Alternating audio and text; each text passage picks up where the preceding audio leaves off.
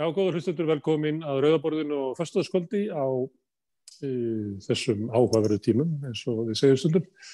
Það er heimsfaraldur og það er að koma kreppa sem er dýbri heldur en allar kreppur. Sumum finnst þess að líðræði í bandarækjus eða leysast upp og það reynir víða á, það eru átök í samfélaginu og kannski, alltaf höfum það kannski ekki umræðu öfnið, hvað svona tíma við erum að lífa, hvort það sé að við sem að sógast inn í, í svartnætti eða þessir erfileikar muni leiða til þess að við finnum lausna á, á bæði faraldrinum og kreppun og því sem því fylgir og kannski lausna málum sem að hafa verið ólist lengi. Til að ræða þetta eru kominir hingað þrýr herramenn, Benedikt Erlingsson leikstjóri, Birgir Þórarinsson eða Byggi Veira í Guskus og Mikael Torfarsson Rittvöndur. Verið velkominn. Eh, má ég ekki bara byrja á að spyrja þig hérna, Benni, hvað hva svona tíma eru það að lifa? Er þetta áhagverið tímar, er þetta degla eða er þetta bara kvöldtuska í andlitið? Þetta er bara alltaf stór spurning, ég get bara ekki svarað þessu. Ég, hvers konar tíma, við erum bara að lifa okkar tíma, er það ekki það sem er svo sárt? Já, hvað er sérstaklega? Þetta eru okkar tímar. Já, hvað? En núna erum við að glýma við faraldur og við erum að glýma við kreppu og það er viða átök. Já. Það hafa ekki alltaf verið svolítið svo okkar tímum, við höfum oft lifað bara halvgett logn og lognmöllu. Nei, ég meina, þetta var nú oft slemt í Rómaríki líka þegar hérna púnverskustriðin voru.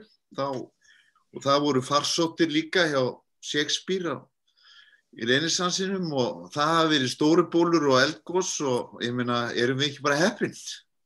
Það hefur sloppið hinga til. Ég held að við bara séum að sleppa hans vel sko. En við erum náttúrulega að upplifa eitthvað svona stó, stórkurslegt finnst mér. Það sem mér finnst við kannski, ef maður á að draga eitthvað svona út úr þessum tíma þá er að koma einhver narratífan um okkur sem samfélag er einhvern veginn að verða sterkari. Það er að segja hérna, fyrildir sem blakar vangjónum í Wuhan í Kína veldur stormi hjá okkur og, eh, og umræðanum að við erum saman og samfélag og við verðum nú bara saman að standa saman og, og þessi tilfinningum um heldina að við erum hákvort öðru mér finnst við hafa fengið alveg rosalega svona ríka og sterka kennslustund í því. Ég veit eiginlega ekki hvernig er hægt að berja okkur meira í höfuðið með þessari hugmynd heldur en, heldur en það. Þannig að mér finnst þetta að vera svona svona móment. Það stundum að sagt þegar menn fór til tungsins og sáu jörðinni í fyrsta skipti og sáu plánetuna og þá var það svona aha móment, jú við erum bara eini í alheiminum á þessari plánetu og, og það er kannski, mér finnst einhvern veginn þetta vera svona áminning um það. Við erum hérna all bara saman og mm. þetta rýmar við lofslagsmálinn og, og, og veirumálinn og svo þessi andlegu, hvað maður segja, hugmyndalegu veirumál, þessi hugmyndafræðilega rótþró eða þessi, þessi skítafnikur frá, frá Ameríku og lyktinn af fasismannum sem rýs allstaðar upp. Þetta er svona, mér finnst við einhvern veginn vera svona, först saman í þessu búri og okkar er verkið tíminu núna, þetta er, þetta er okkar tími, gjör þið svo vel. Mm. Þá spyr ég náttúrulega byggja veiru af því að Benni nefnir nú veiruna en svo oft þetta uh, sviðsnafnið hefur fengið nýja merkingu núna að byggja veira. Já, já, það er fólk að segja, þú veist, að fá ekki lengur póstana frá mig, þetta sé eitthvað að stoppa á leðinni. Þannig að ég er, já, að þarf kannski að fara að skipta um allavega það sem ég er að setja í póstana, breyta undirskriftinni yfir í kannski bara byggi, ég veit ekki. En er þetta rétti að benna að þetta sé svona aðveikning, að við séum að þá, við séum vakir upp um hvað við þurfum að gera til þess að geta að lifa hér saman já. á þessari planundu? Ég held að þetta sé kannski þannig að, að sko, við vitum náttúrulega ekkert hvað þessi tíma náttúrulega þýða.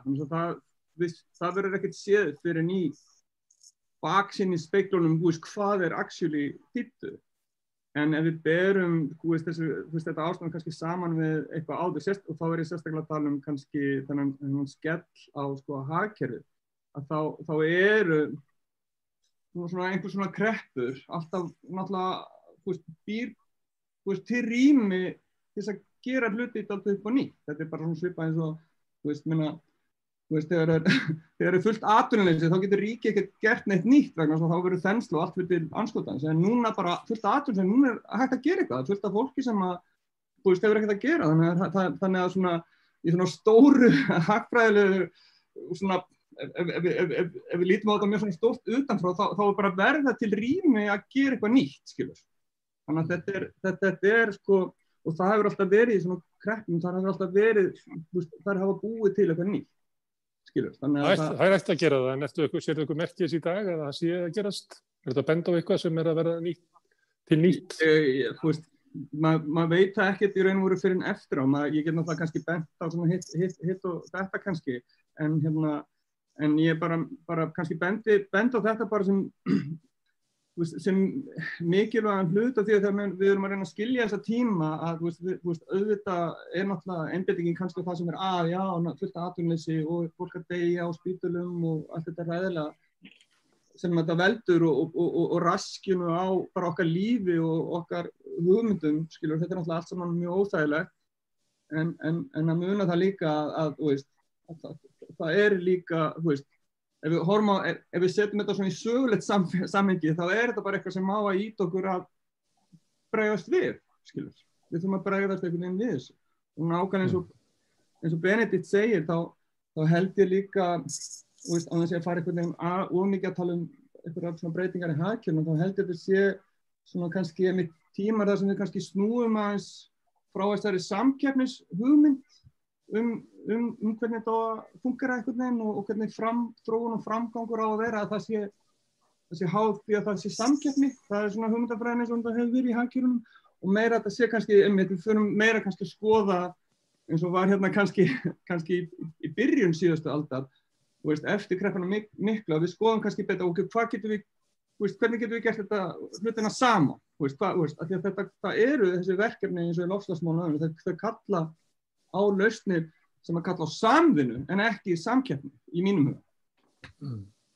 Mikki, það, þeir vísa báðir í það að við vitum ekki alveg hvaða tíma við erum að lifa vegna þess að framtímunni leiða í ljós en það er bara eitthvað allt annað fólk í framtíðinni sem er að veltaði fyrir sig hvernig við lifum. Þannig að ég kem hérna úr framtíðinni og spyr fólki sem er að lifa þessa tíma því að framtíðin vil vita það. Hvers svona tímar eru þetta?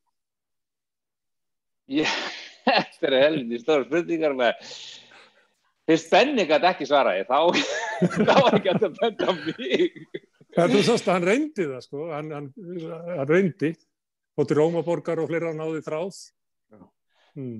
Já, ég... Ok, það skal ég spyrja. Er, gagvar þessu þessari svona ákveðinu óvissu sem er og, og það er svona ákveðin degla og það er margt að segja okkur að, að þetta sé tími þar sem allar hugmyndir eru endur skoðar um, hvernig sko hvernig bregst fólk við þessu? Þetta á að vera svona, þetta á að leiða til einhvern nýs, en eru við raunverulega að sjá eitthvað sko nýtt? Getur við bent á eitthvað sem að er svona vísirinn af þeim tíma sem að koma skal? Það er gáður eftir sem hefur hingað til að vera sagt er að já, það er alveg klart að eftir þetta allt saman þá verður kemur ný veröld og eina sem við vitum að hún verður ekki eins og svo sem að var, en við vitum ekki hvernig hún er. Þannig að nú er ég að spyrja, er eitthvað svona vísir að því hvernig hún gæti hugsalega verið?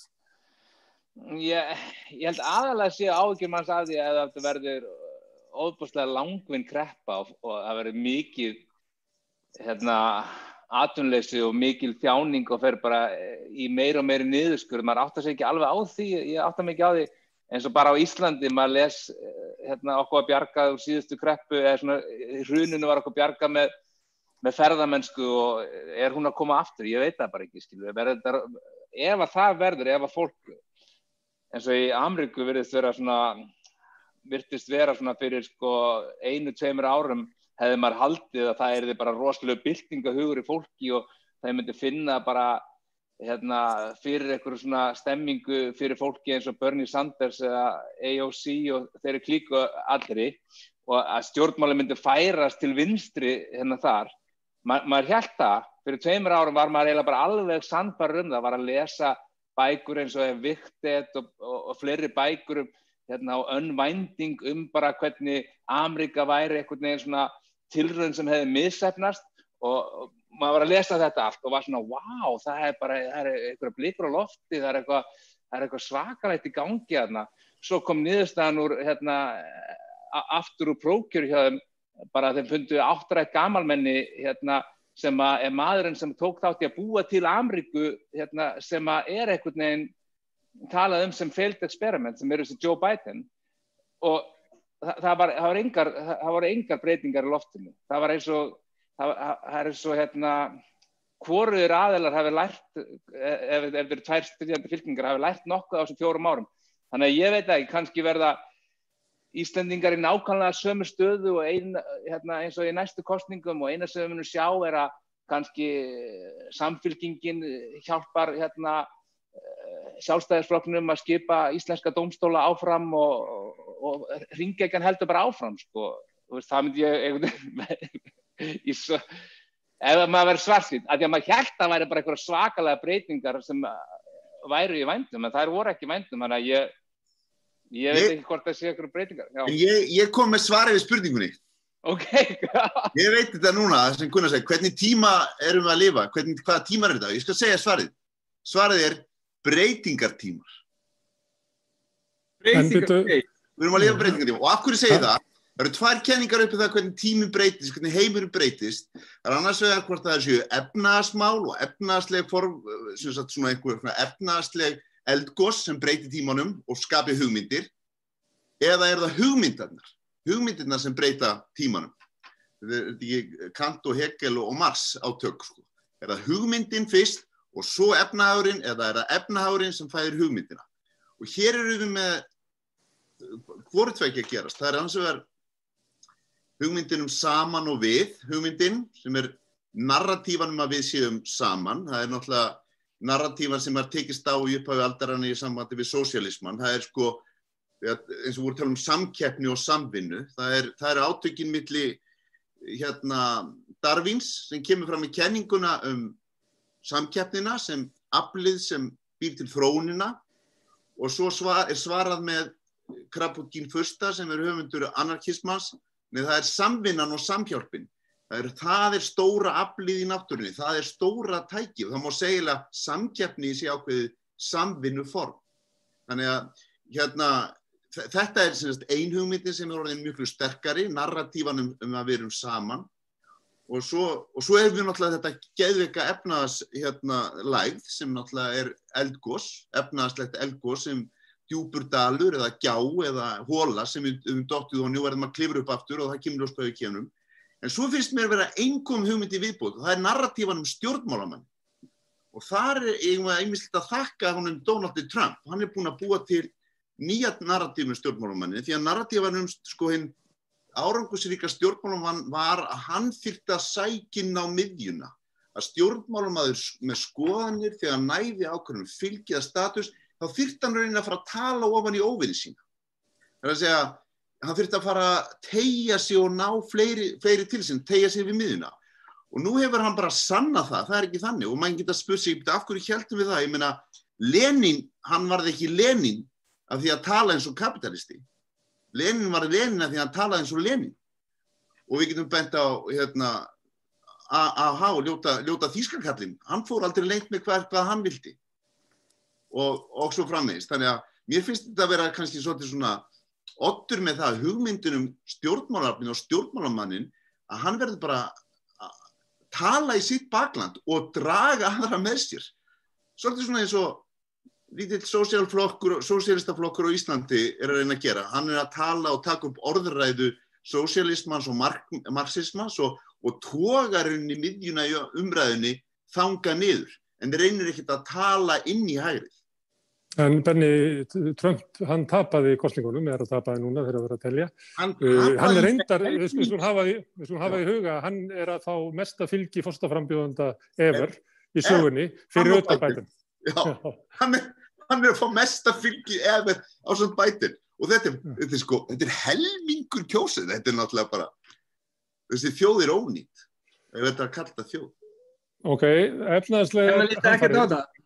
Ég ætla aðeins að flytja hérna til þín Birgir, frá Mikka í gegnum hérna Benedikt. Sko, átök, eins og þú ætti að segja, við vitum það, við erum bara að læra í sögunni að svona átök eiga að leiða fram nýjar hugmyndir, nýtækifæri, það er okkur sagt. En saga sem Mikael var að lýsa var eiginlega þannig að það átt að gerast eitthvað soliðis, svo gerðist það ekki. Og ég ætla að vísa í það sem að Benedikt byrjaði að tala um í upphafi sem var það að við hefum bara haft það svo gott. Að við ljósi sögunar að þá væri við fólk sem hefum haft það bara svo gott.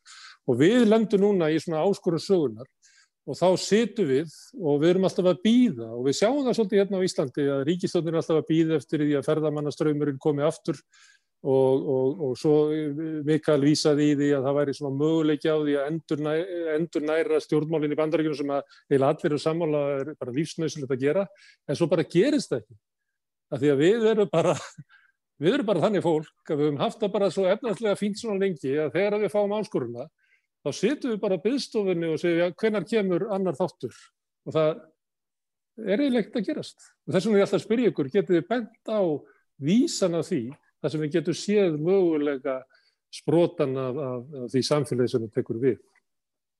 Ég, ef ég má koma inn á þetta, mér nokkar að segja eitt við Benna því hann myndist á Darvin, því mér, er mjög áhagverð bara því að, þú veist, með svona, þú veist, hvort að sé, hvort að sé verða eitthvað breyting í eitthvað svona í, svona, í stóru hugmyndunum. Það er bara mjög spennand að sjá hvort að það kemur úr þessu og, það, og, og, og að því að þú nefndi Darwin, það má ekki glemja því að Darwin, þú veist, það, það, veist, það var valið alltaf hvað hann sagði og það hann hefði verið að tala um samkjöfni og það hefði mjög mikið frá honum, þá, þá, þá glemist það að hann talaði líka um veist, hvernig tegurnar hefði komist af með samfunnu, mm. skilur. Mm. Veist, en það er ekkert minnst, kap, hva, veist, þarna, veist, fer eftir hvernig þú nota fræðan hans hverju þú ná fram, það er ekkert talað um það. Það er alveg hárið. Benni var eiginlega vitna í Spencer eins og hann tólkaði Darvin. Já, Já nákvæmlega, nákvæmlega. Darvin verður svona einmitt grunnlag fyrir frjálsíkjuna á þessu raunverulega eins og þeim, mig skilja eða svona tólka Darvin þrönd. Já, og, og, líka, og líka fyrir því bara að það sé í lægi að senda gæðsuglinga í gasklefa. Það er svona, hann nota bara, náttúrann tók ekki til sinna ráða, skilur þá þurfum við að gera það með því að setja, setja illa, illa, illa úr gardi gert fólk bara í gasklefana, skilur. Þann, þú veist, þannig að Darvin setja á stað ímslega, það er ég. En hérna, en ég held að það sé, þú veist, eins og þú veist að tala um sko rödd, þú veist, þú veist, að, að, hafi, að Trump hafi komið þessa rödd sem að náði gegn og ástæðan fyrir því náttúrulega er kannski fyrst og fremst svo bara eins, eins og hann bendir á hérna tækni stjórinans er bara að það var bara fólk í bandarækjunum sem, sem að veist, sem að leið bara veist, það var bara mjög mikil reyði og, og sársök í bandarækjunum og það verði enginn að tala inn, inn í þetta hjá fólki. En hann byrjar að gera það skilur. Hann gerir það, þannig að fólk tengir við það, ekki þetta þegar hann finnst hann sérstaklega svona frábær, þannig að hann er bara að tala eitthvað sem þau skilja.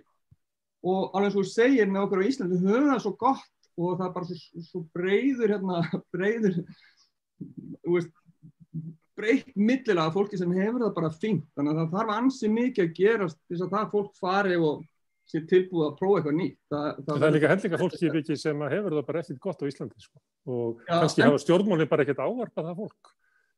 Já, já þetta verður mjög áhvert að sjá hvernig þetta fer núna, þannig að ef þetta er að fara, ég alveg nútið það, verður núni vet, vet, vetur og kannski kjölfarið, ef að stjórnvöld ætla, eins og þið segið, bara býða eins og vennilega, svona cirka, kemur í ljós, ef þetta verður með sársökafullt, þá kannski þú veist, mun, mun bara verða svona ákall fyrir það veist, að það verði eitthvað stíðið fram og gert eitthvað alvöru, skilur fattur. en það er bara á eftir að koma í ljós. En það er líka þannig að stór hluti þeirra sem hafa skýtt á Íslandi eru náttúrulega útlendingar sem hafa ekki svona kostningar eftir Íslandi og er ekkert með í umræðinu nema í einum þætti á, á, hjá, hjá Gunnar Smára. Hérna Það voru hérna sex inflýttir rauðaborðið, frábær þáttur, fannst það ekki? Jú, ég, ég horfði á það. Og, veist, og, það og það er alveg ótrúlega áhugaður vingild, ég hef einhvern veginn ekki hérna, ég gefið þessu nægilega en gaum sko, hvað þetta er stór hópur hérna, fólks á Íslandi er algjörlega útskúðar frá umræðinni, algjörlega útskúðar frá atkvæðanum og stjórnmálunum og er sá hópur sem ofta á tíðum, ekkert alltaf, þetta er eflaust hérna, einhverju sem eru í einhverjum uppgripum og, og eru með einhverju tekjur, ég segi það ekki, en stór hluti hóp, hópsins er hérna sko láluna fólk og er hérna búið að breyta. Það, sama hérna í Austuríki og Vín þar sem ég bý, þar þurfti mér að taka til sko sérstakar reglur varðandi það að hérna hún sko, getur hún mér að fara heim sko aðra okkur að helgi eins og hérna til, til mömmu að því að flestir sem að vinna á hjúgrunna heimilum og vinna við þrif og hótelum og, og svona láluna störf eru hérna, búsettir í Slóinni eða Slóaki eða Ungarlandi eða, eða Tjekklandi og eru þá láluna fólkur úr, úr bæjum sem eru kringum, kringum hérna Östuríki og, og eru náttúrulega, þú veist, geta ekki kosið hér eða hérna, tekið þátt í samfélaginu eða notið hérna, þú veist, þeirra auðlundar sem eru hér í, tengslu við skattkerfi og annað sko. Og það er sama á heima sem við erum með stóran hóp sem er bara útskúaður sko, er í rauninni á engi réttindi og jú, á eitthvað talsmann kannski í, í hérna solfu önnu þetta í eblingu en þessi hópur hefur það helviti skýt en hvað kannski er eitthvað sko eins og Biggi segir kannski er ólíklegt að hérna að eitthvað sko íslensk svona millistjætt sko sé til að bara fórna eitthvað fyrir þennan hóp sko. Mikael, myndi þessi hópur við réttar aðstæður kjósa Trump? Þess vegna, ég veit það náttúrulega ekki sko, en ég held að það, ég, að eitt sem ég þetta merkilegt er að vera að skrifa mikið um, um af hverju fólk kýs svona öfga, það voru teknir, það voru teknir eitthvað sko svona öldungadelda þings kostningar, það sem voru tveir öfgar og hérna sem, sem voru fólk spurt út í, gæt fengið að kjósa nokkra möguleika af alls konar frambjöðundum. Það voru einna framhjöðbjöndu í miðið og síðan þeir sem eru, eins og Benni var að segja á þeir sem tala svona skýr, sem var, eða það var svona rosalega skýr valkostur millir tveggja öfga hérna, öldingadöðtingmanna, þá gætt sami kjósandi verið að vega það að meta hvort hann vildi kjósa bara einhvern eins og Trump eða einhvern eins og hérna, Bernie Sanders, alveg, tve, alveg svona tveir anstæðir pólar og það virkaði oft, oft rosalega vel á fólk. Af því að það getur virkað ef þú hefur ekki annan möguleika sko, þá, þá, þá er það alveg rétt að Trump tala alveg inn í þann hóp og gæti alveg verið hérna, rosalega spennandi en ég ætla ekki að svara fyrir hérna, íslenska útlendinga sko, innflytjendur í lálanastörum hvað, hvað, hvað það vilja kjósa sko. Mér finnst náttúrulega að því ég hef enga þekkingu hef svo litla þekkingu á amerísku samfélagi þá finnst mér svo gaman að tala um það og búa mig til einhverja kenningar. Og til dæmis eins og velti maður fyrir sér sko það, það er verið að lýsa þessari frústrasjón, eðlilegri frústrasjón í einhverju ríki sem er náttúrulega er ekkit líðræðisríki, þetta er ekki búið að vera það lengi, þetta skorar mjög lágt sem líðræðisríki, þetta er kallt að auðræði, ég held að Platón myndi kalla þetta auðræði eða plutarki. Um, þannig að, þú veist, það er, og þar í þessu, í þessu sko stundum hugsamæður, það vantar tæki, fyrstulega, af hverju býr ekkert einn kerfi betri valkosti heldur um þess að tvo gömlu kalla hvers konar stjórnmál af því að þetta eru stjórnmál hérna auðu sem er bara rekin áfram hérna auðu. Þetta er ekki allsýður stjórnmál. er eitthvað og í öðru lagi finnst manni vanta hugmyndir, bara orðaforða marxismans, það var bara hreinsað út í makkarnismannum og það notar engin sko hugmyndir um stjertskiptingu, það er allir bara einhvern veginn blindar á amerísku drömnum og og það má ekki vera afbríðsamur út í velgengi annara og, og hugmyndunum arðurrán er bara einhvern veginn, það er eitt texti í einu amerísku lægi til Dolly Parton sem er 9 to 5 sem er mesti sosialismi sem þú getur fundið í mainstream hérna amerískum kultúr nánast. Það mm. Rich, Man Rich Man's Games. Ef þið farið í textaðan á Dolly Parton 9 to 5 þá er það byltingaróður. Og það er snurður sem aðeins þetta fólk sem kýsi frústrasjón, þetta, hvað maður segja, þarna, tröpp, það, það hefur ekki tækin, það hefur ekki hugmyndina, það hefur ekki viljan til þess að búa til verkefælisfélag og fara í verkfall og pressa og öll þessi tæki sem við höfum þroskað í öðru samfélagi til þess að berjast fyrir hagsmunum sínum. Það er bara í frústrasjón kýsi eitthvað Er þetta sangjart? Ég veit ekki, ég er ósangjart að ég er ómentaður á amerísk samfélag, ég, ég er fullur af fordamum, ég bý hérna motið ameríska sendiræðinu og ég verið frættur við Ameríku frá því að ég var líka drengur. Já, en því að þetta fólk, eins og þú kallar það, hefur hérna mátt þóla það að það hefur, var sko skilgrinn, sósialismi var skilgrinn sem and-amerísk hugsun Já. og fólk var fangilsað og, og það fekk ekki vinnu. Verkefnisreifingin var brotið niður þannig að Já. fólk getur ekki sko mynda verkefnis, hérna, þannig að aflið sem er á móti, það hefur verið svo sterk að það hefur verið brotið niður Já, tungutækið, baratutækin, allt Já. sem allþíðan hefur til þess að berjast gegn auðvaldinu. Það er þetta sem ég er að segja, takk að þið fyrir, nákvæmlega. En ég verði eiginlega að fá að segja eitt um bandaríkinn á þess að hafa kannski þú veist kannski neina sérfræði þekkingu en ég hef náttúrulega, ég hef túrað eins um bandaríkinn, farið í svona nokkrar hinn og þessar borgir og allir tónleikar svona í gegnum tíðina svona og maður hefur svona einmitt, þú veist, séð svona verið sendur eitthvað staði sem að fór ekki sjálfviljur, veist, bara til New York og eitthvað að sjá eitthvað svona túrist eitthvað, þannig að maður hefur séð svona bara eitthvað í bandaríkinn, eitthvað svona random á þessari ferð, ferð og hitt alls konar fólk og og, og já, það, mér fannst bara rosalega svona tilfinnilegt að finna hvað mér fannst einhvern veginn sko þú veist, það bara sko, bara, bara þessi mannlega stemming hvernig samt, sko, hvernig hvernig, hvernig manneskan einhvern veginn er mér fannst þetta að vera bara allt öðruvísi heldur en í Európu, það sem ég fannst einhvern veginn vera svo mikið, það var einhvern veginn svo rosalega mikilvægt að vera einhvern veginn með réttu framkomuna og vera næs og eitthvað svona, skilur og alveg rosalega mikil þjónustulund sko,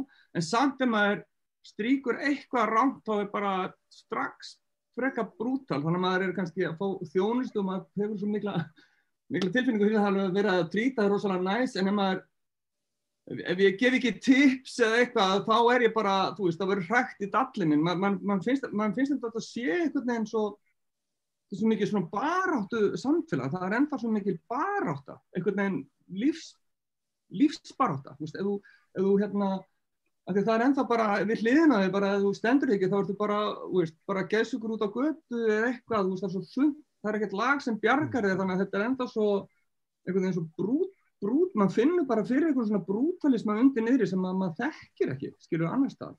Fólk innan, innan, fólk innan múran er rosalega næst hvort við annað en, en þegar veigra sér ekkert við að henda þeim sem að það vill, ef það er að villist á litin eða vittlisar hugmyndir þá hendur þeim bara út fyrir múrana.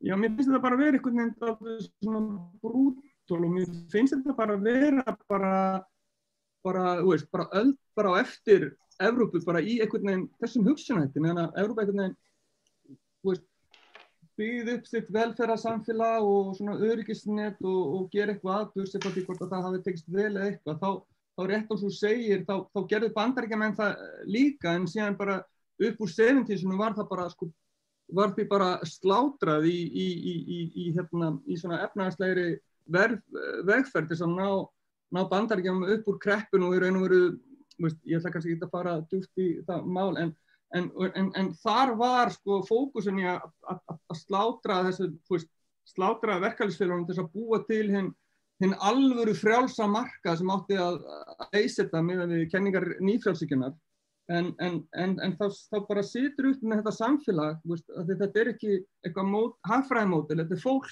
skilur sem er hana og þú situr bara með samfélag sem er bara sem, sem er bara myndi ég segja bara með okkur bara í tölvöld miklum sárum bara. Ég held að vandi oft eitt í umræðum um svona stjórnmál og, hérna, og kostningar er að fólk er líka svona, svo ég sletti disillusioned með að þú veist, það er einhvern veginn segjum að þú set bara, og við getum alveg heimpart þetta yfir Bandaríkinu eða Breitland og, og þetta er með mjög yktum hætti í Bandaríkinu og Breitlandi og þetta sé með mjög yktum hætti á Íslandi líka.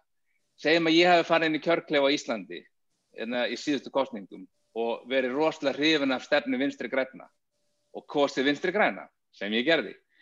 Og ég hef búin að gera það og ég er spenntur að sjá úrslitin og á og Katrín hérna, Jakobsdóttur er alltaf komið vel fyrir og er yndislega og frábær og hérna, hefur verið talsmaður ímsa gilda sem ég hef haft og, og, hérna, og, og svo sitt ég bara upp með það að ég sitt upp með að, er rík, að þau eru ríkistjórn með sjálfstæðarsflokknum og ég hef kannski áður kostið samfélkinguna og ég hef líka sitt upp með það að eru bara, ríki, þau eru bara ríkistjórn með hérna, samfélkingunni með sjálfstæðarfloknum. Og, hérna, og þetta er mín reynsla. Mín, ég er orðin kannski svona, sko, kaldhæðin gagvart, hérna, og kaldlindur gagvart stjórnmálum. Og það sama á við um Amríku, það sama á við um Breitland. Bróðið minn er, hérna, breskur ríkisborgari og, hérna, er, er halv íslenskur og halv, halvu Pakistani.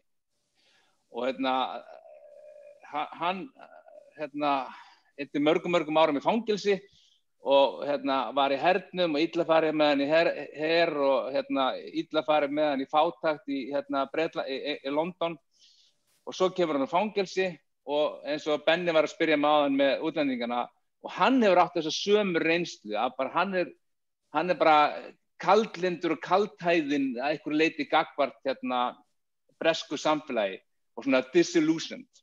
Og hann, ég spurði hann hérna spenntur að heyra, hann alltaf var að fylgjast með þegar hérna Jeremy Corbyn var að bjóða þessi fram og, og Boris Johnson og þeir voru svona þessi tveir pólar sem voru að berjast um völdin í, í Breitlandi og hérna, og ég spurði hann hérna hvað hann hefði kosið. Og hann segi að sjálfsögðu Boris. Make Britain great again. Og hló.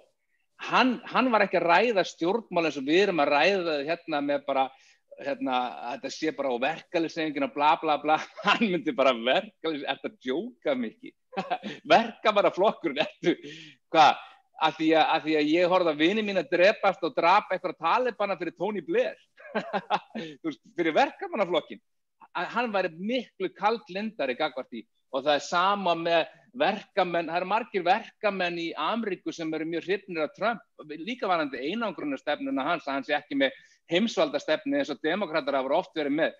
Hann vil kannski ekkert vera að sprengja upp einhverja útlendinga eða, eða hlaupa með vjelbissur hérna, skilju sem að, að flokksæðandafélag republikana hafi líka verið að taka þátt í þetta með innrásinni í, hérna, í, í Írak og Afganistan og svo framvegs en, en það er ákveðið svona, við erum alltaf að ræða þetta bara hver eru raunveruleg gildiðinn Basi bróðir, hver eru raunveruleg gildi hans, hann er kannski að horfa á hver eru raunveruleg gildi mín, ég þarf að spyrja mig hvernig haf ég að kjósa?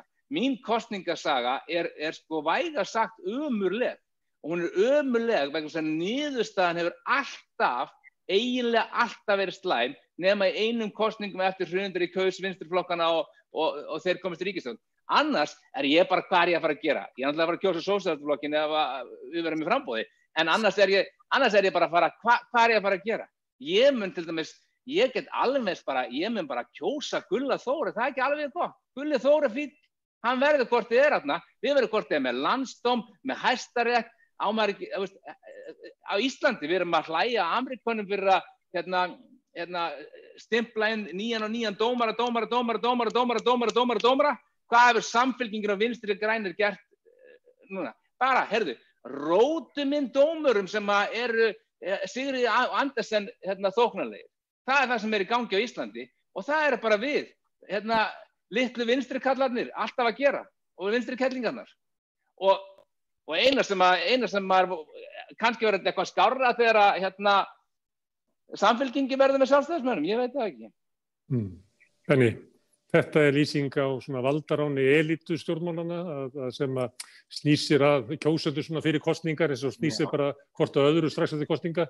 Þetta er raunverulegt, þetta er náttúrulega gaggríni frá hægri, þetta eru populísk gaggríni frá hægri, þau hefur verið að benda á þetta lengi og margir vinstri menn veigra sig við að taka undir þessa gaggríni en eins og mikið lýsir bróðusinnum og við vitum alveg hver staðan er víða í bandaríkjónum, þá er þetta bara raunverulegi, það er svona stjórnmál elita sem hefur þetta er þetta fidelity, trúskapur, að vera trúr því sem þú segir, walk the walk. Um, þetta er mótsögn í líðræðinu. Þú kemur fram með þinn bóðskap og svo býrður þú til málamiðlunum með samstarfsflokkiðin. Og, og þá er bara spurning hvað allar að gleipa mikið, hvað mikið samstarf, hvað, sagt, þá takast Það heitir að geta skýt á Íslandi, ah. Drífa er búin að setja Drífa Snædalsetti nafn á þetta, þetta heitir að geta skýt, hvað er að geta mikið skýt? Geta mikið skýt. Að maður getur alveg séð að Katrín Jakobsdóttir er með langtíma strategíu og hún getur fullt af skýt fyrir sína langtíma strategíu og það eru ykkur plúsar þar á endanum en svo gleipur hún fullt af hlutum sem fyrir marga kjósundur mennar og ég reyndar mig líka er nánast ófyrirgemanlegt og það er svona listi ofta siðferðislegu mál um, og menn hafa sagt, dunkað og svo koma upp stóri lutir, það er að gullræturnar sem hún hefur þó komið í gegn. Við getum til og með stekið eins og núna lofslagsmálinn eða það eru nokkuð góð mál þarna sem ég get verið ánaði með en það er alveg, það er alveg slóði af skýt skilur við, þess að gera okkur frústuriruð og, og og hérna Vonsvíkin Þú, þú segir loftasmálinn, það sem að Katri Jakobsdóttur Vafki hafa fengið í því er það ekki bara ákvörða það sem að Bjarnar Ben er alveg ósart um að gefa þeim til þess að hann fá að ráða öllu hinni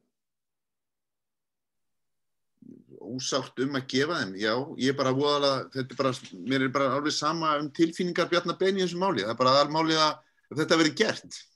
Það er Og búið að hérna, gerast eitthvað í það, það er bara skiptir einhver máli. Að, Er eitthvað búið að gerast í loftslagsmálum á Íslandi? Misti ég að ykkur? Já, það, það hafa allavega verið sett fram mjög háleitt markmið og settir Já.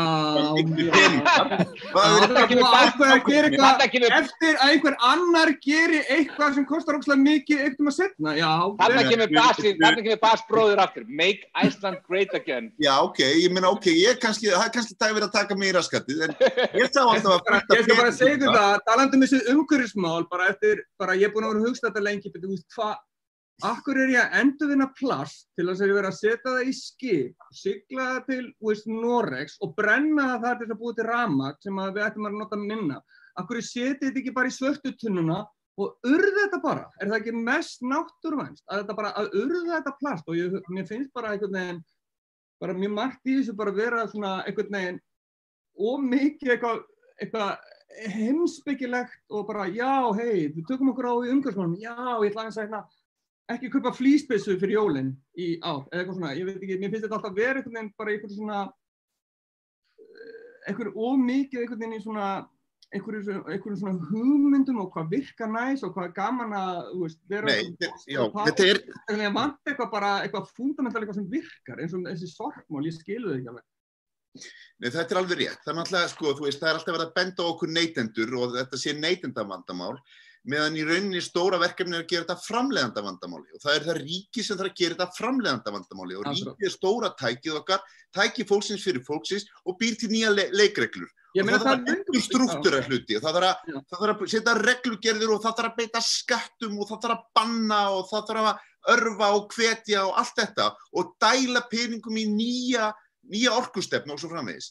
Og þetta er raunverulegt. Það er ekki- er þetta kaupir stjórnmálamæður ætlar að fara að setja einhverja nýja skatta og, og, og banna einhverja hluti, veist, fyrst af öllum í heiminum á Íslandi. Við erum ekki að fara, við erum bara að fara að býða og sjá hvað einhverja aðrir ætla að gera og við gerum neitt. Við erum ekki neitt framstíga neitt í þessum málum, hugsa ég.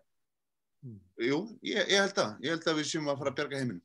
Er það? Herðu, Benedikt, þú varst að tala um stjættarátök og þú talaði líka um hérna að heimuru breyttist af hérna, tveimur ástöðum. Það var nýjar hugmyndir sem myndu, við myndum hérna uh, myndu breyta hugsun okkar og, og þar með í gjörðum og svo var það efnaðslegar ástöðu sem að neyta okkur til þess að breyta ykkur. Já. Uh, ef við og við tölum áðan um hérna innflytjendur á, á Íslandi sem búa við áberandi lagari efnarslegt kjör heldur en aðrir, búa við minni réttindir, fá ekki að kjósa, ekki dráða hlustað og það er alltaf þess ekki það er 50.000 innflytjendur á Íslandi þannig að við getum örglega sagt að sé 40.000 sem eru í þessari stöðu. Innflytjendur eru helmingurinn af láluna verkafólki á Íslandi þannig að við erum þá komið 80 innlenda og, og aðflutta láluna fólk. Við erum með 20.000 örkja. Við erum með kannski 40.000 fátakt eftirlunna fólk sem á í erfileikum eða eiga, hérna, láta peningana dög út mánuðinu, það segja með sig 30.000. Og við erum með leyendur, við erum með fátakt fólk, við erum með hérna, fólk sem að þykkur framfæsli á sveitafélagunum.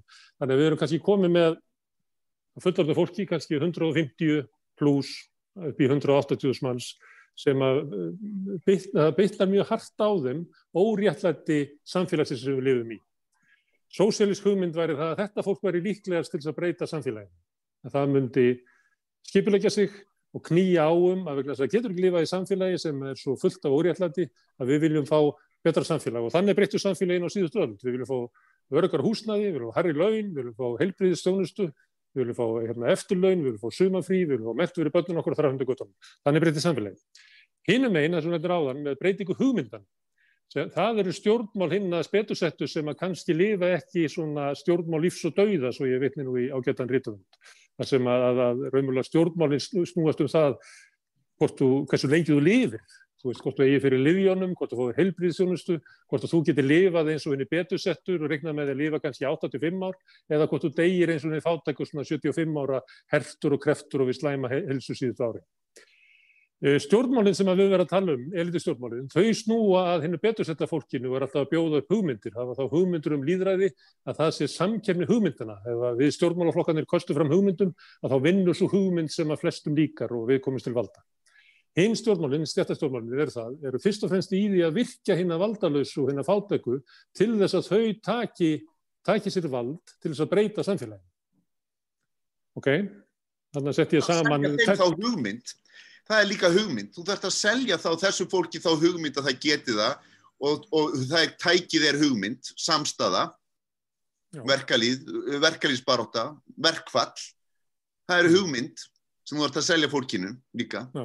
En ef að þú ættir að veðja á hvor leiðinu væri líkleri til þess að búa til gott samfélag, hvora myndir þú veðja á? Sem svona rótækur umhverfisinni og, og kommunisti esku. Ég, trúi, ég tilir í trúarsöfniði sem er, er hérna, sem ég veit ekki hvað ég að kalla, við erum kallaðir sögumenn eða leikúsmenn eða showbusinessmenn og þessi trúarsöfniður, hann, eins og faði minn sagði sko reyndar, hann, hann sagði leikúsi var í kirkja þar sem ætti að predika breykt eða þar sem ætti að predika, predika marxisma. en hérna, ég, ég trú reyndar ekki á því. En einhvers staðar trúa litli, litli listamannabólunar því að þeir sé að breyta heiminn með því að selja hugmyndir. Við erum að selja sögur, við erum að, við erum að, við erum að planta fræjum um gildismat og við erum að gera heiminn betur með því að segja sögurnar okkar. Þannig að einhvers staðar tíler ég hópi sem trúir á þetta, þetta hugmynda, hérna, þessar hugmyndar loftpólur að það er breytingur og það verður nú að segjast að það eru þetta dæmum það að það gerist sko, hugmyndir eru svo vírusar og við erum hugrannar verur og uh, til dæmis sko, og þetta vinnur oft saman var afnám þrælahaldsins var það bara efnaðaslega ástæði það var ekki líka hugmynd um manngildi sem kom úr kristinni eða uh, breytingar okkar á hugmyndum um samkymsneigð hvernig samkynneið er orðið mainstream hlutur og þetta voru áður sko nasetningar uh, eh, bara í samfélaginu. Þarna hafa, hefur hugmynd breyst, jafnbreyttis hugmynd. Ég meina fyrir hundra árum síðan voru þetta brjálaðar kettlingar út á götu, það voru kallað súfragettur. Í dag eru allir jafnbreyttis sinnar. Var eitthvað efnaðaslegt sem gerðist? Já, en það var líka hugmyndalegt. Það var líka hugmyndafræðileg farsótt sem breytt úr sér og það tók tíma. Um, ég held þetta, þetta og sko, svo hefur hugmyndin um þennan, þennan nazisma eða þennan, þennan rasísku hugmynd sem eru þetta eldgömul hugmynd en, en, en, og, og best hægt að kynna sér hann með því að lesa gamla testamentið það sé kjænslubók í rasisma. En, en þar er náttúrulega þessi óhugnalega hugmynd sem var hægt að selja mjög fátæku fólki og mjög þjökuðu fólki eftir, eftir stríðið að sumt fólk meðal okkar væri ekki manneskjur og nýti ekki mannreitinda. Þau varu dýr. Og, og það varu til betra fólk og verra fólk og, og það væri bara raunverulega hægt að útrýma þessu fólki. Og þetta var hugmynd sem náði bara fótfestu í, í Þískalandi og þeir gerði eitthvað í því. Og, um, og það hafa áður verið fátæk samfélög og það hafa áður verið átök og fólk hefur áður verið í vondri stöðu en það hafa ekki öll samfélög sem hafa átt að erfi fengið svona vonda hugmynd. Þannig að hugmyndir held ég að séu raunverulegar og er geta breytt hlutum. En það er alveg ekki, ég held að ef, efnagasmálin eru þetta skriðfungin sem stundum fæðir hugmyndir eða býr til jarðvegin fyrir hugmyndir. En dæmis sem tekur er svona, svona narrativ, er að hérna, við, hvernig við skilgrinum stöð okkar og sögu og, og kannski frekar heldur bara hugmyndin einn, þetta ekki. Er þetta ekki að leggja áherslu á það? Veist að þetta er sögumæður? Að fólk verður að skilja sko stöðu sinna inn í einhverju söguframvendu til þess að ná því að breyta ykkur. Ég held að þetta er allt, við getum bara nota narratífa um þetta allt. Ég meina stjórnmálamadur er alltaf að segja okkur. Hann er alltaf að segja okkur hvað við erum að koma og hvað við erum stödd og því að trista mér því ég veit hvert að fara. Hann er að selja narratíf, hann er að selja sig og hann er að selja hugmyndir sínar um veruleikan. Þú ert að selja þína hugmynd, Gunnar, um veruleikan og samfélagið og það er allir flokkar að gera. Þannig við erum alltaf slást um hugmyndir. Svo er til dæmis, hérna, þetta er svona á stjórnmálasviðinu, að ég var að tala um, hérna, við Mikael til, tilherum svona leikúsmönnum sem ætlum að bjarga heiminu með því að segja sögur, en svo er fólk sem tilherir öðrum trúabröðum. Það eru vísindamenn og þeir segja, við breytum ekki heiminum nema með vísindum og, og rannsókn. Og svo er fólk sem trúur á mentakerfið og skólakerfið og segja, við breytum heiminum með mentun og upplýsingum. Og svo er það hagfræðingarnir og fjármálamennin sem einu við breytum því með efnaðasmálum og velsælt. Það er bara í velsælt sem hlutinni gerast og breytast. Þannig ég held að við trúum ólíkum hugmyndum. Ekki, svona eðlilega spurning væri núna hvernig breytum við heiminum, svona í framhald af því sem að Benni var að segja. Já, ég, ég held sko, mér finnst þetta áverð spurning sem þú komst með bara nákvæmlega þú segir, þú veist, hva, hvað er í bóði fyrir fólk, skilur? Ég meina eins og í bandaríkjunum, þú veist, það var ekkert í bóði fyrir sund fólk, svo kom Trump og það fannst það bara, ok, þessi er í bóði fyrir mig, ég kýsa. Af því að hann er eitthvað, hann talar um eitthvað.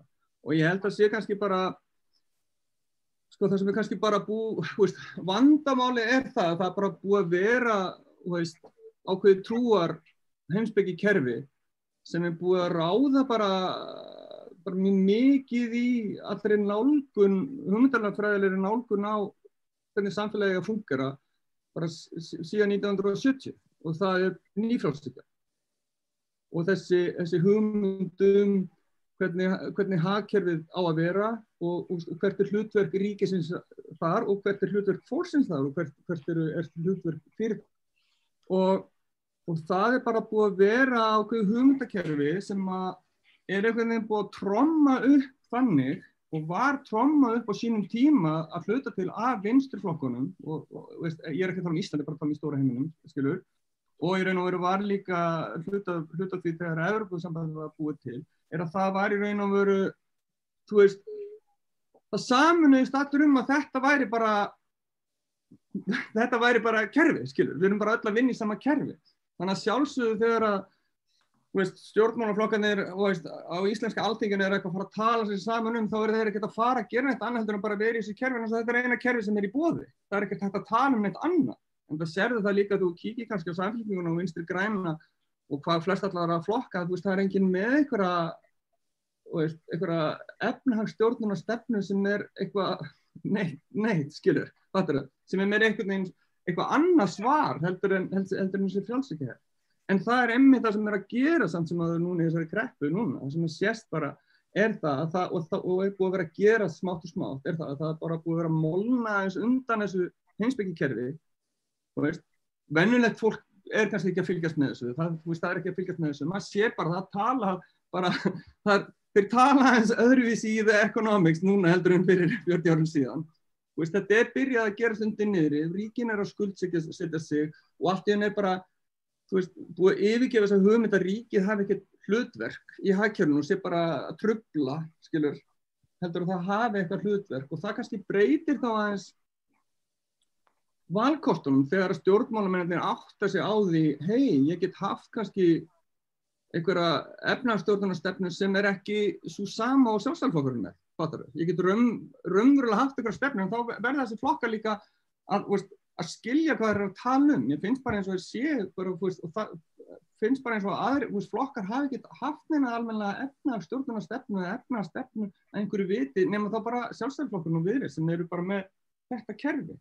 Og það er kannski ástæðan fyrir því eins og ég segja að þegar að samfélkingin og vinstri grænir komið svona, veist, sjá kannski, þú veist, við erum ekki að fara að stjórna neitt með neitt öðrum heldur en sjálfstæðarflokkurinn. Það gerist ekkert nema við séum með þeim þeir, þeir, þeir eru meira að minna með alla sína menn á þeim stöðum í hækjörnum sem skiptir máli og við erum ekki með neina, neina alternatífa hagstjórnastefnu þannig að veist, við erum ekki bara að gera eitt eða neitt nema bara með þeim. Og ég held að það hefur raun og veru verið þar sem að vinstigræn áttuðu sig á og þess vegna fóru þau í þetta samstarf. Að þau voru ekkert að fara að koma neina áleis þegar maður bara í gegnum þetta kerfi sem til staðar. En því verður það náttúrulega ekkert breytt nema hinn er valkostinir nema samfélkingin, vinstegræðinu og sóstælsflokkurinn, ég hef vonað náttúrulega til komið sannlega inn og helst þurki út vinstegræna, ég held að það sé alveg það myndir laga, laga mikið í íslenski pólitík ef það myndir gerast. Að það, það verði það komi einhver nýr tótn í tali þar sem er raun og veru þessi, þessi, þessi nýfrálsökjum pælingar sé bara einfallega ítt í hliða og fólk bara átta sig á því að, að þetta er öðru, veist, þetta er þetta öðruvísi. Þetta er bara þannig að við erum búin að vera ykkur svona, ef við má klára östu við erum bara búin að vera ykkur svona peningatrúa sem ykkur svona peningar er eitthvað svona eitthvað hérna eins og Sigurður Andersen segir eitthvað þetta, það er ekki til peningar. Og maður hugsa bara ekki til peningar? Hvað er þetta að ruggla, peningar eru ekki eins og niður til þetta er bara loft, þetta er bara tölur inn í bók þetta er bara Veist, þannig að þegar fólk er ekki að taka peninga og gera eitthvað raunverulegt úr þeim, það er bara, þetta er bara svona, þetta er bara falskuðir, en þetta er sannlega kerfi, þetta er svona samningskerfi, þetta er bara samningar okkar á milli, já þú átt svona eitthvað hérna sem við reiknum svona og þú átt þetta og ég skulda til þetta, en þetta er allt ykkur sem er ekki raunverulega.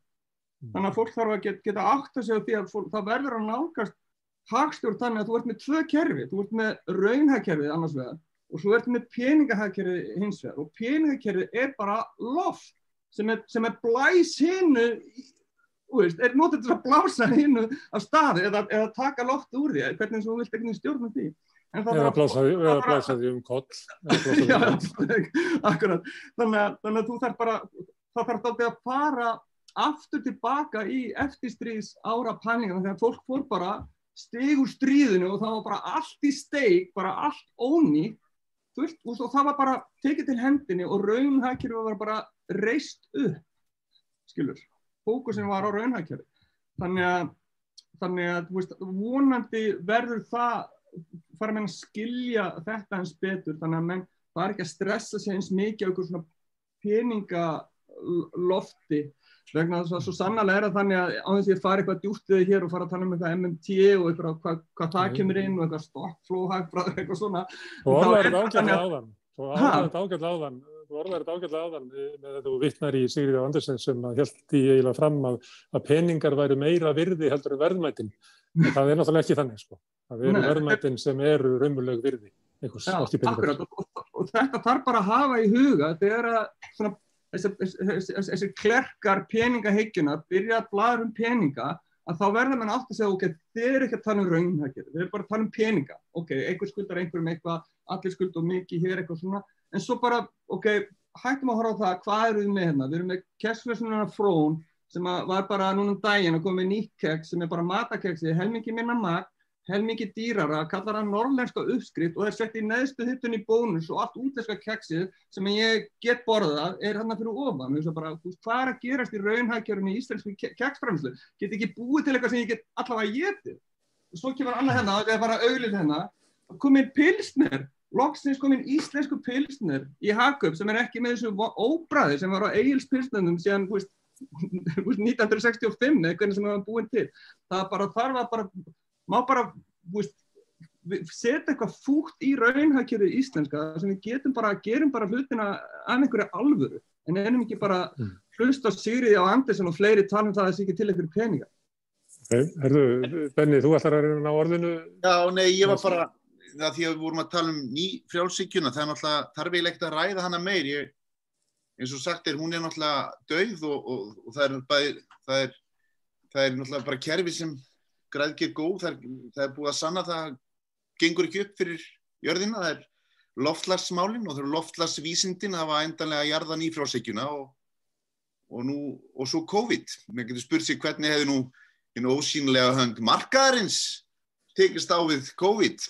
En vandamáli við nýfrálsíkina á Íslandi er að skaðin er skeður að einhver leiti.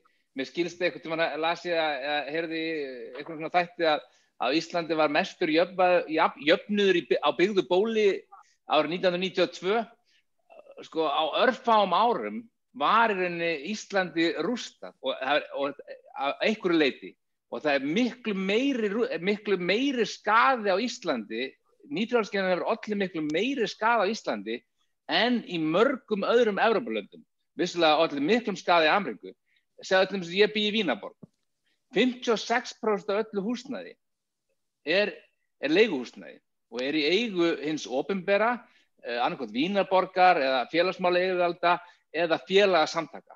56% öllu húsnæði. Ímyndið hvernig þetta samfélag hérna, Vínarborg, sem er náttúrulega rauða vína að kjósa alltaf sósaldemokrata, en hvernig hún getur brúðist við þeim hamförum sem nú eiga sér stað í efnaðarslífi bara uh, fjölskyldu, fjölskyldu, fjölskyldunar skilju þá hverjar einingar fyrir sig sem býr í ykkur húsi, ykkur, ykkur, ykkur íbúð. Getur, það er þetta fresta leigu, það er þetta banna hækkanir í meirinn helming húsnæðis. Hérna, hvort sem það var sko framsóknarmenn sem voru svona, einmitt við erum búin að ræða sam, samvinn og erum hérna á samstöðinni sem var alltaf einhvern veginn, einhver grunngildi, einhvern tíman einhvers konar framsóknarflokks sem er löngu búin að svíkja sína huldu mei, alveg eins og vinstri grænir og samfélkingin og þeim hefnist það var herstuð anstæðingarsögnum en þá það var búið að selja allt þetta. Þetta er bara, þú þarfst að leia hjá Gamma. Ég byrjaði nú að tala um Gamma sem glæpa fyrirtæki lunga áður en þeir voru orðni glæpamenn, samkvæmt sko ofinbærum aðilin. En, en þeir eru glæpamenn, þeir voru glæpamenn allan tíman. Og það átti bara, það átti bara, sko, það átti bara siga þeim á, á fátæku, fátæka Íslandinga.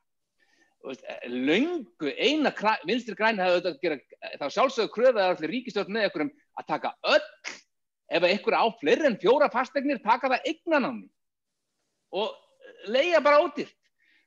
Sko þá er lámarki á 30% af öllu húsnaði á að vera hérna, ódýrt leiguhúsnaði fyrir hérna, fólk sem þarf á því að halda. Lámark 30%, hérna í Vín er það 56% og Vín er sko guttfalli borg þar sem að, hérna, er hátt til lofts og þetta eru fínar íbúðir.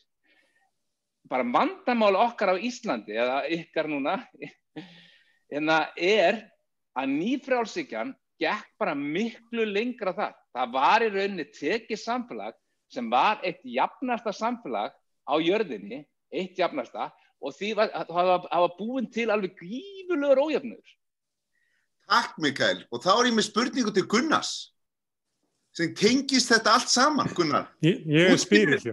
Fengur fyrir okkur, hvers vegna menn fengur svona vonda hugmynd eins og nýfrjálsíkina á Íslandi eða bara í heiminum, finnst þú allir svona miklum skada, var þetta hugmynd sem einhver fekk og breyt út af sér eins og vírus eða var einhver efnaðarsleg undiralda sem kvekti nýfrjálsíkina því á einhvern nátt var þessi hugmynd frekar svona andkristileg. Hún var svona græðgjör góð. Þetta var, spens, þetta, var spens, þetta var Spencer sem að þú nefndir áðan sem að grunnkenningin er svo að við meigum ekki hjálpa hennu veika því að þá erum við að stríða gegn eðli mannsins og eðli náttúrunar og eðli samfélagsins. Það leiði þetta á veikju við þjóðalíkamann og við dettum öllnir í auðmíkjaskap þess að verðum við að styrkja henn sterka og meigum ekki hjálpa hennu veika. Það er, er það, er gagbilding því að eftir hérna byggin endi það að eftir stríða þá hefðu þjóðurna komið saman meðal annars út af því hvað verkefnisreifingin var orðið sterk. Mm. Nutuðist líka í Evrópu að það voru sósélistar og kommunistar sem voru í ansbyrnunni gegn nazismannum og þeir náðu völdum svolítið út af það. Þeir hafðu staðið með þjóðinni gagvart kúaranum. Þannig að, að, að verkefnisreifingin og flokkar á þeim vegum náðu völdum og náðu að byggja upp velferðarkerfi að, að fara til inn að fátöku og spurja hvað vantar ykkur við, okkur vantar hærra laun og okkur vantar skólakerfi og örgar á húsnæði og helbriðiskerfi og okkur verður frí og áttastöða vinnudag og þar hafandi göttunum. Henni ríku sáu það að, þeir eruðu að gera eitthvað gagbyltingu og, og svona upp úr svona 1970 þá fóru þeir bara að vinna hart af þessu.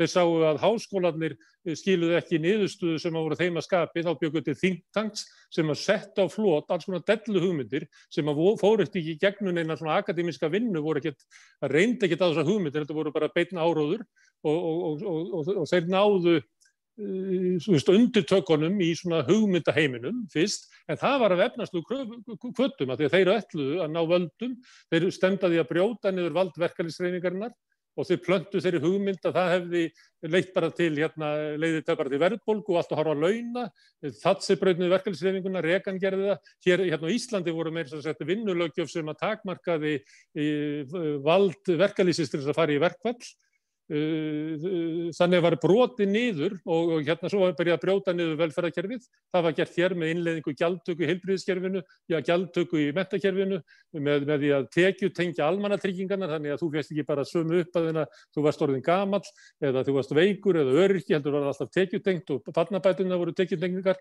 þannig var þetta broti niður í bandaríkjum með þetta bara horfið. Þetta var gagbilding og það sem ég veldi fyrir mér að þið nefnir svolítið Trump hérna og af því að mikið er nú í Vínaborg þar sem að sko útlendinga anduðin er, hefur náðu ágættistökum á austurísku samfélagi. Má ég koma eins? Má ég klára þessu eins? Þetta er eiginlega benn að kenna, ég, ég er bara að spurja þetta, en hann spurði mig. Þessum langum við að snúa þessu og spurja ykkur. Þegar ég verði þessa viku þegar ég verði að undrast yfir því að, að sko, Trump fái allt þetta fylgi, þá, þá áttar maður að sjá því að sko, svo veist, þið illa getur alveg unnið eins og hitt og þá fyrir ég að velta fyrir mér að, að því að eins og nýfrjálsvíkjan var hérna gagbilding, gagvart hérna auknu valdi almennings á eftirtíðsárorðum og að samfélag var frekar mótað eftir kröfum og þörfum almennings, getur ekki verið að andmannúðar stefna Trump sem að ræðst gegn sko hérna með rasisma sínum, gegn mannréttinda bara til svarta með hérna gegn fóstureyðingum, gegn kvennabaráttunni sem kveiknaði á svipuðum tíma, gegn hérna baráttu samkynniðara, gegn hjónabandi samkynniðara, að nú er bara komið í gangi í bandaríkjunum öflur reyfing sem ætlar að skrúfa ofan af sko mannúðar baráttu 5., 7. og 7. áratúarins og, og e, e, þegar maður horfir á nýfrælsíkjuna hvernig hún gerðsamlega vann hugmyndaheim hérna e, vinstrisins, verkefliðsreyfingarnar og sósjaldemokraterna, við fengum Blair og Clinton sem eru bara nýfrælsíkjumenn from hell getur ekki verið að við séum jáfnvel að horfa á það að það sé að vakna við um heim gagbilding sem ætlar að brjóta niður mannúðarbilgjuna sem að var hérna, við getum fagnaði að hafa lifað og, og, lutum þess að lifa í þeim heimi sem gata hana af sér á setni. Það er spurningið. Meðvita samsari eða er þetta bara vírus, hugmyndafræðilegu vírus sem svona, svona dreifir úr sér meðal einhverja stjætta? Hann dreifir úr sér vegna þess að fólk hefur samila hagsmunni og þeir sem hafa samila hagsmunna því, þessu, eru svo ógeðsla ríkir. Þeir stjórna fjölmjölunum og þeir stjórna líka listavettfanginu sem að þið sagnamennir eru að segja sögurnar ykkar ef þú ert í bandaríkjunum þá færði ekki að segja þína sögur nema inn í Hollywood eða inn í Broadway eða einhverstað það sem er búið að temja vettongin. Þú fær aldrei að ávarpa sko fátat fólk í útkvörðunum eða inner city. Þú fær aldrei að ávarpa innflytjendur á Íslandi. Þú fær aldrei að ávarpa hennar fátæku. Þú fær aldrei að ávarpa leyendur. Þau eru alltaf að ávarpa bara fólki sem mætir inn í leikúsin sem er laungu búið að temja og bíóin. Það sem að mætir fyrst og fremst hérna hinn enga sérstakka haga því að breyta samfélaginu af því að það, hún hefur það bara skýt sæmilegt með að taka mólana sem er hinja að borði hinnar ríku en mólanir far ekkit lengra og þar ertu með meirinn helmingin af þjóðinni sem er ekki bara rænt lífsakomu heldur líka rænt narratífinu sem að þú ætti að vera að búa til fyrir það fólk til þess að átti sig á stöðu sinni og finni til baráttu til þess að breyta heiminum fyrir okkur öll. Benni, þú mátt ekki, þú mátt ekki hita svolítið mikið upp í honum, hann fer alltaf að flug bara. Tóksta með tóksta.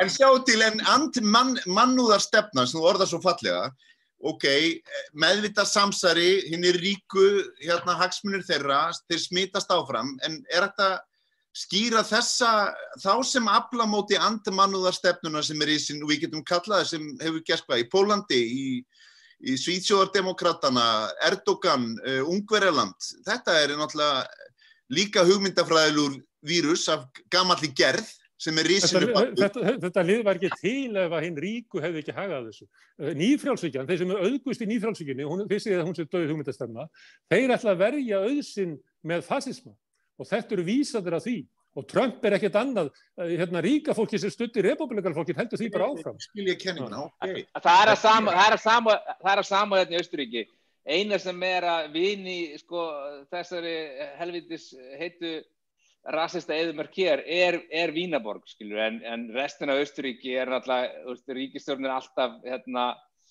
alveg óbúslega hægri sinnuð og var síðast síðasta ríkistjórn var í rauninni bara þá var hérna, sjálfstæðisflokkurinn, austuríski sjálfstæðisflokkurinn með bara raunverulegum nazistum í ríkistjórn sem að svo ríkistjórn fjallrendar og núna er þeir með hérna, græningum.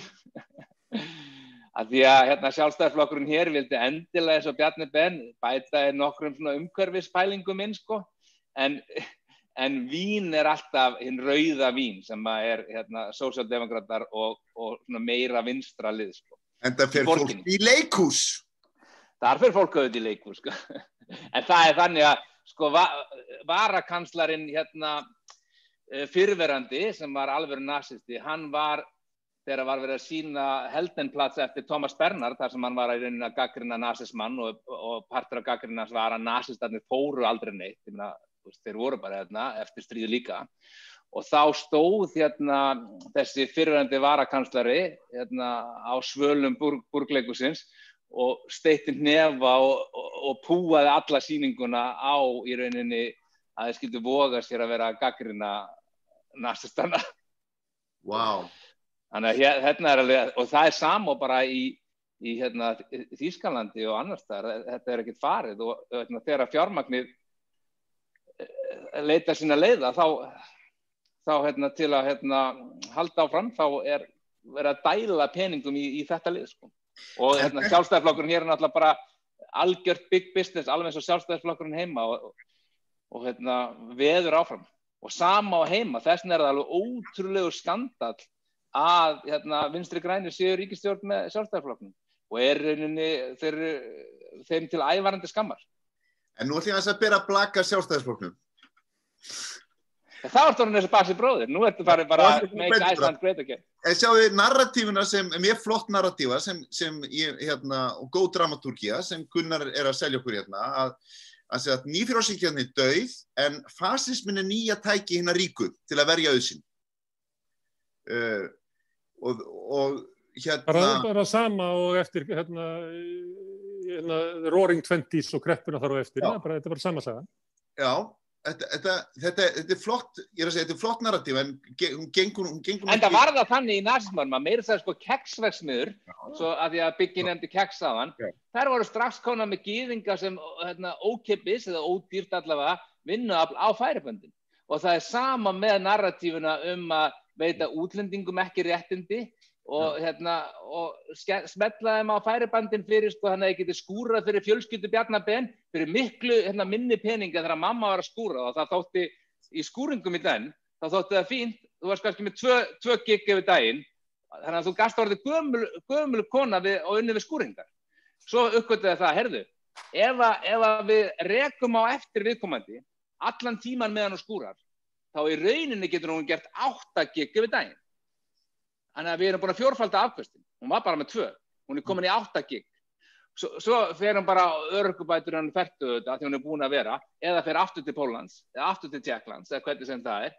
Og þetta er gert bara til að, hérna, að Bjarni Benditsson og hans fjölskylda getur orðið ríkt á, á, á baki skúringakonnar sem á engin réttind á Íslandi og er í rauninni bara eins og gýðingurinn sem var opastlega ódýtt vinnuafl í kjagsverksminu. Þetta var skandatennum mm. dagina því að var að vera að viðkynna þetta með kjagsverksminu. Við verðum mikar leikúsmaður og auðvitað tekur þú flott svona táknum. Ég, það, ég spurði, bara, þú ert leikúsmaður, þetta, flott, þetta er flott sena, ég sé alveg Bjarnabeni og þú veist, og hann einhvern veginn hangand á skúrinkonni, en ok, en En er þetta, er þetta alveg hægt að segja þetta um sjálfstæðisflokkinu að hann sé fasistaflokkur?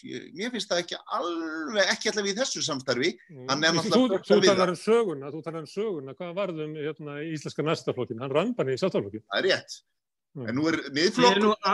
Ég verð nú, þið er nú ansi farið mikið að spekulera eitthvað þarna með þetta, sko, verður nú að segja, sko. Ég held að, held að hérna, ég, ég verð að segja eitthvað því að þeir eh, óttist þennan uppgang, hérna, þessa anbyltingu að ég hérna að sjálfsögðu sko þegar það þegar það þegar hlutinir eru ólægi og eitthvað er að fara úrskeiðis eins og bara þetta búið að vera að gerast í bandaríkjunum lengi og þá bara veist, er fólk ekki sátt og það horfið síðan einhverja áttir og, og finnur sér einhverja sögudorka og það er bara það sem þetta aldrei búið að vera að gera. Og, og rétt eins og segir þetta með keksfestnuna þá var þetta bara alveg þannig eins og að hérna Veist, það hefði alveg verið hægt að loka landamærunum í Texas en það voru bara kapitalistandi sem vildu fá innflytjum þannig að rétt eins og segir, það er veist, miklu ódýrast að vinna bleið náttúrulega að hafa réttindalist fólk. Að, og, það, og það vita alveg þeir sem eru að berast um sömu stöðin í bandaríkunum að það er bara, það er bara verið að hleypa þessu fólki inn réttindalösu til að taka okkur störfin til að geta borgaði minna. Þannig að þetta er bara þessi tókstölda sem er það hérna á Íslandi er náttúrulega bara einhver annar veruleiki og það sem er kannski aðalega, ver, aðalega það sem við þurfum, þurfum að klíma við hér er bara annars eðlis. En varðandi þess að and, andbyltingum mannuðar þá held ég að það ristir aldrei, ég vona alltaf að það ristir grunn sko, að þetta eru náttúrulega þetta eru náttúrulega bara svona hugmyndir sem þú finnur bara í efri aldurshópum þessum aldurshópum sem eru búin að vera að lifa við einhvers konar kerfi einhvern stöðleika, svo koma mikla breytinga, það eru útlendingar og allt er að breytast og mér líst ekki á þetta, þetta er ekki heimurinn eins og ég held að hann ætti að vera og, og, og þá hlusta ég bara á einhverja sem talin í það. En unga fólkið, það er bara, þú veist, það sér þetta ekki svona. Þannig ég, ég býst alveg fastlega við því að ef það er einhvers konar svona mannúðar bilgja í gangi, að þá, þá sé það bara eitthvað sem gangi yfir. Að ég held basically það að unga fólki er ekkert að fara að halda, fara að halda þessari stefnu áfram þegar það tekur við, allavega ekki hérna í vestur-Európu grunum. Ég veit náttúrulega bandaríkinu er náttúrulega bara svo að maður veit ekkert hvað gerist það. en maður bara finnur það svo mikið, maður, ég hef túrað náttúrulega Rúsland, átta borgir og maður hittir krakka þar og það veit alveg, það, það búið að fá lyktina, það veit alveg bara hei, veist, það búið að fá lyktina og veit að það, það, það verður annars konar samfélag, það ætlar að, að sækja það með tíman, þótt að það sé ímislegt sem að þurfu að, að, að hérna, hérna kannski brjóta, brjóta niður, þannig að en að Þetta er svona bjart síni, hérna, má bjóðu ykkur að berja þetta neyður, Benni, eða mikið? Ég er ánað með Birgi, ég ætla, þú að þetta sé hrollveikjandi að horfa á því að það er rosa mikið á ungu fólki sem er að kjósa Trump líka, það hlýtur að vera. Þá ætlum ég samt að vona að Birgir hafi rétt fyrir sér, það sé ennþá von hjá unga fólkinu, en hérna... En ég held að sé að flokkarnir nota, sérstaklega svona flokkar sem eru, þú notar það sem að uh, þú heldur að virki, sérstaklega að þú ert svona að einhver reytir svona flokkur eins og sjálfstæðarflokkurinn eða aðra hægri flokkar. Þeir nota þetta, auðvitað, auðvitað er ekki, ef þú þart ekki að mála upp sko skúringakonuna sem ég nefndi á þann, sem ómanneskulega, eins og þeir eru voru að tala um sko gýðinga á þann og þeir þart ekki að mála upp sem róttu. Mála er nú eiginlega upp sko Bjarnar Ben sem vondan feitan kapitalista Já. með vikil þar sem hann hjekka á baki skúringakonuna. Já, sem, sem hann er en hérna en ef, ef þú þart ekki að mála upp sko skúringukonuna sem einhvern veginn óæðra þú þart þess ekki bara vegna þess að öllum er svo nákvæmlega saman þeim sem hafa atkvæðri skilur við þá, þá þartu þess ekki þá ertu bara meðan ódýrara heldur en þartu þurftir að borga henni annars og þú ert líka með hana eða þú ert líka með kerfi þar sem að er sko hérna við, höfum, við erum að slá hvert metið að fæta öðru þegar kemur að sko nýgengi öryrkja og af hverju heldur fólk að það sé? Að því að fólk sé orðið svo miklu auðmingja. Auðvitað er þetta sama manneskan sem gengur um götur, við erum enda með sama líkamann. Það er líka vegna þess að, að, sko, að slita fólki er bara verra. Og þetta er sama eins og, við erum eins og hérna, í Amriku, það var hérna, í New York Times var grein þar sem var viðtal við sko, hérna, svona, það sem er kallað janitor sem er í rauninni ræstiteknir hérna hjá Kodak in the 80's hérna 80 okkar og það var manneskja sem var að hreinsa skrifstofur og taka úr rusli og skúra og svona. Hún var með health insurance tryggingar, hún var í kvöldskóla í háskóla, hún var með hérna, það var að vera hjálpin að styrkja börnin hennar í, í háskólanum og svo framvegis og samframvegis, að því að Amerika hérna 80 okkar var alltaf aðra samfélag Svo fóru þeir, Kodak var sko flottasta fyrirtækið sko í heiminum þá, svo fóru þeir til Apple og fundu samskonar mannesku í dag. Hún var ekki með neitt, hún var bara verktæki. Alveg eins og ég, mér skilst að konundar sem vinnaði á fjölskyldufyrirtæki Bjarnar Ben eru. Hún var bara verktæki sem var að gera þetta. Hún hefði engin réttindi. Hún var ekki með hérna, lífverðsjóð eða, eða hérna, health insurance eða eða háskólasjóð og hún var ekki á leiðinni neitt sko, annað en að, að hérna, taka fleiri skrifstofur. Og þetta er, þetta er myndin sem er teiknuð upp þarna af í rauninni frekar svona miðju sinniði bladi New York Times. Og þetta er staðan á Íslandi, eins og ég sagði áðan með, við byggum einu jafnasta, jöfnur var næst í hverki jafn mikill á Íslandi 1992. Og þegar ég var alveg upp þá vann mamma mín við fullt af svona vinn. Og það, og manni þá, sumtaði var alveg ómanneskilegt og þetta var fátækt og blankheit en það var ennþá verkó til, verkamannabústæðir það var ennþá margt til sem gerði samfélag okkar manneskilegra og, og núna eru aðrir heldur en sko hérna litli kvíti Íslandingurinn mikki að upplifa þennan veruleika og við erum ekki að leggja okkar á voðaskálunar að standa með hérna, þessu fólki. Og við, við, þau fá ekki að kjósa oft á tíðum í, í alltingiskostningum, mjög flókimál að kjósa í sveitastjórnarkostningum og, og eru bara út undan og eru lægri, lægra sett. Við höfum ekki í íslensku sögu síðan bara hérna, síðan hérna bara á vikingatímanum haft jafn stóran hóp á Íslandi sem nýtur ekki sömu réttinda og samþegnar þeirra. Og nágrannin sem býr í næsta húsi. Við landnám, þá vorum við með voru, við landnám voru það 60% kvenna sem höfðu engan rétt og 40% kalla svo kvölduðu þrælakynslu þrælarnir. Akkurat, og núna erum við með nýja þrælakynslu í Íslandi. Mm. og það er einmitt það ættum að tala frekar um þrælald en mannsal ég tek eftir því að mann tala um mannsal það er alltaf verið að tala um eitthvað mannsalsmál sem þetta heitir, heitir, heitir þrælahald. Mm. Og ættum við líka að tala um vinnuþrælkun af því að þrælahaldi þótt að hafi aflagt að þá var það bara flutt yfir í, í svona system þar sem að var hægt að þræla fólki fyrir á laun og, og það eh, sem að býr ekki við íkja betri kjör heldur en, heldur en þrælar byggu áður því að húsbændur hafðu ákveðlega skildur þrælánum sem að með því að, að, að, að íta fólk út á svona harkkerfið þar sem að fólk nýtur ekki sömu réttinda og inn í hennu skipilöðra vinnumarkaði, þá erum við náttúrulega sömulegt að taka aftur upp svona þrælakerfið. Það áreita það að við breytum þessu, þessu Mikael er að tala um, með því að búið til gott leikús, með því að segja sögurum mitt er það ekki. Og þá kemur Bjarni Ben í leikúsið og allir hans, eh, hérna, þessir vondu Benni, Benni, Benni. Og þeir bara- aha, Benni, og þeir fatta, þeir sjá, aha, og þeir fyllast að mannkærleik og gesku. Það Nei, er hluti gott. Benni, Benni, Benni, Benni. Það er ekki hægt að bjóða upp á þetta við rauðaborðið að markmið okkar séu að, að gera kóngin mildari heldur eru við að reyna að efla hérna kúuðu til þess að þau taki þau völd sem þau hafa. Við hefum enga trú á því að lausnin sé svo að, að, að kóngur verði mildari. Þá verðum við að bjóða kúaða fólkin í leikús. Þannig að það sé aha. Herðu, þetta var mjög gaman að hafa ykkur. Já, þetta var búið. Já, ég hérna, get eiginlega ekki verið bjóða, ef ykkur hefur verið að hlusta á okkur að bjóðunum hérna, að vera lengur, að fólk upplifir það eins og séu bara inni. Ja, við hefum bara að bjóða ykkur aftur, hérna, Mikki, Benni og Biggi, við getum kallað þetta bara BBM, tríóið, mætir hugsalega aftur hérna og heldur áfram að ræða og þá ætlum við að muna það að við ætlum að taka upp þráðinn þar sem við vorum að tala um, um þrælahald á Íslandi.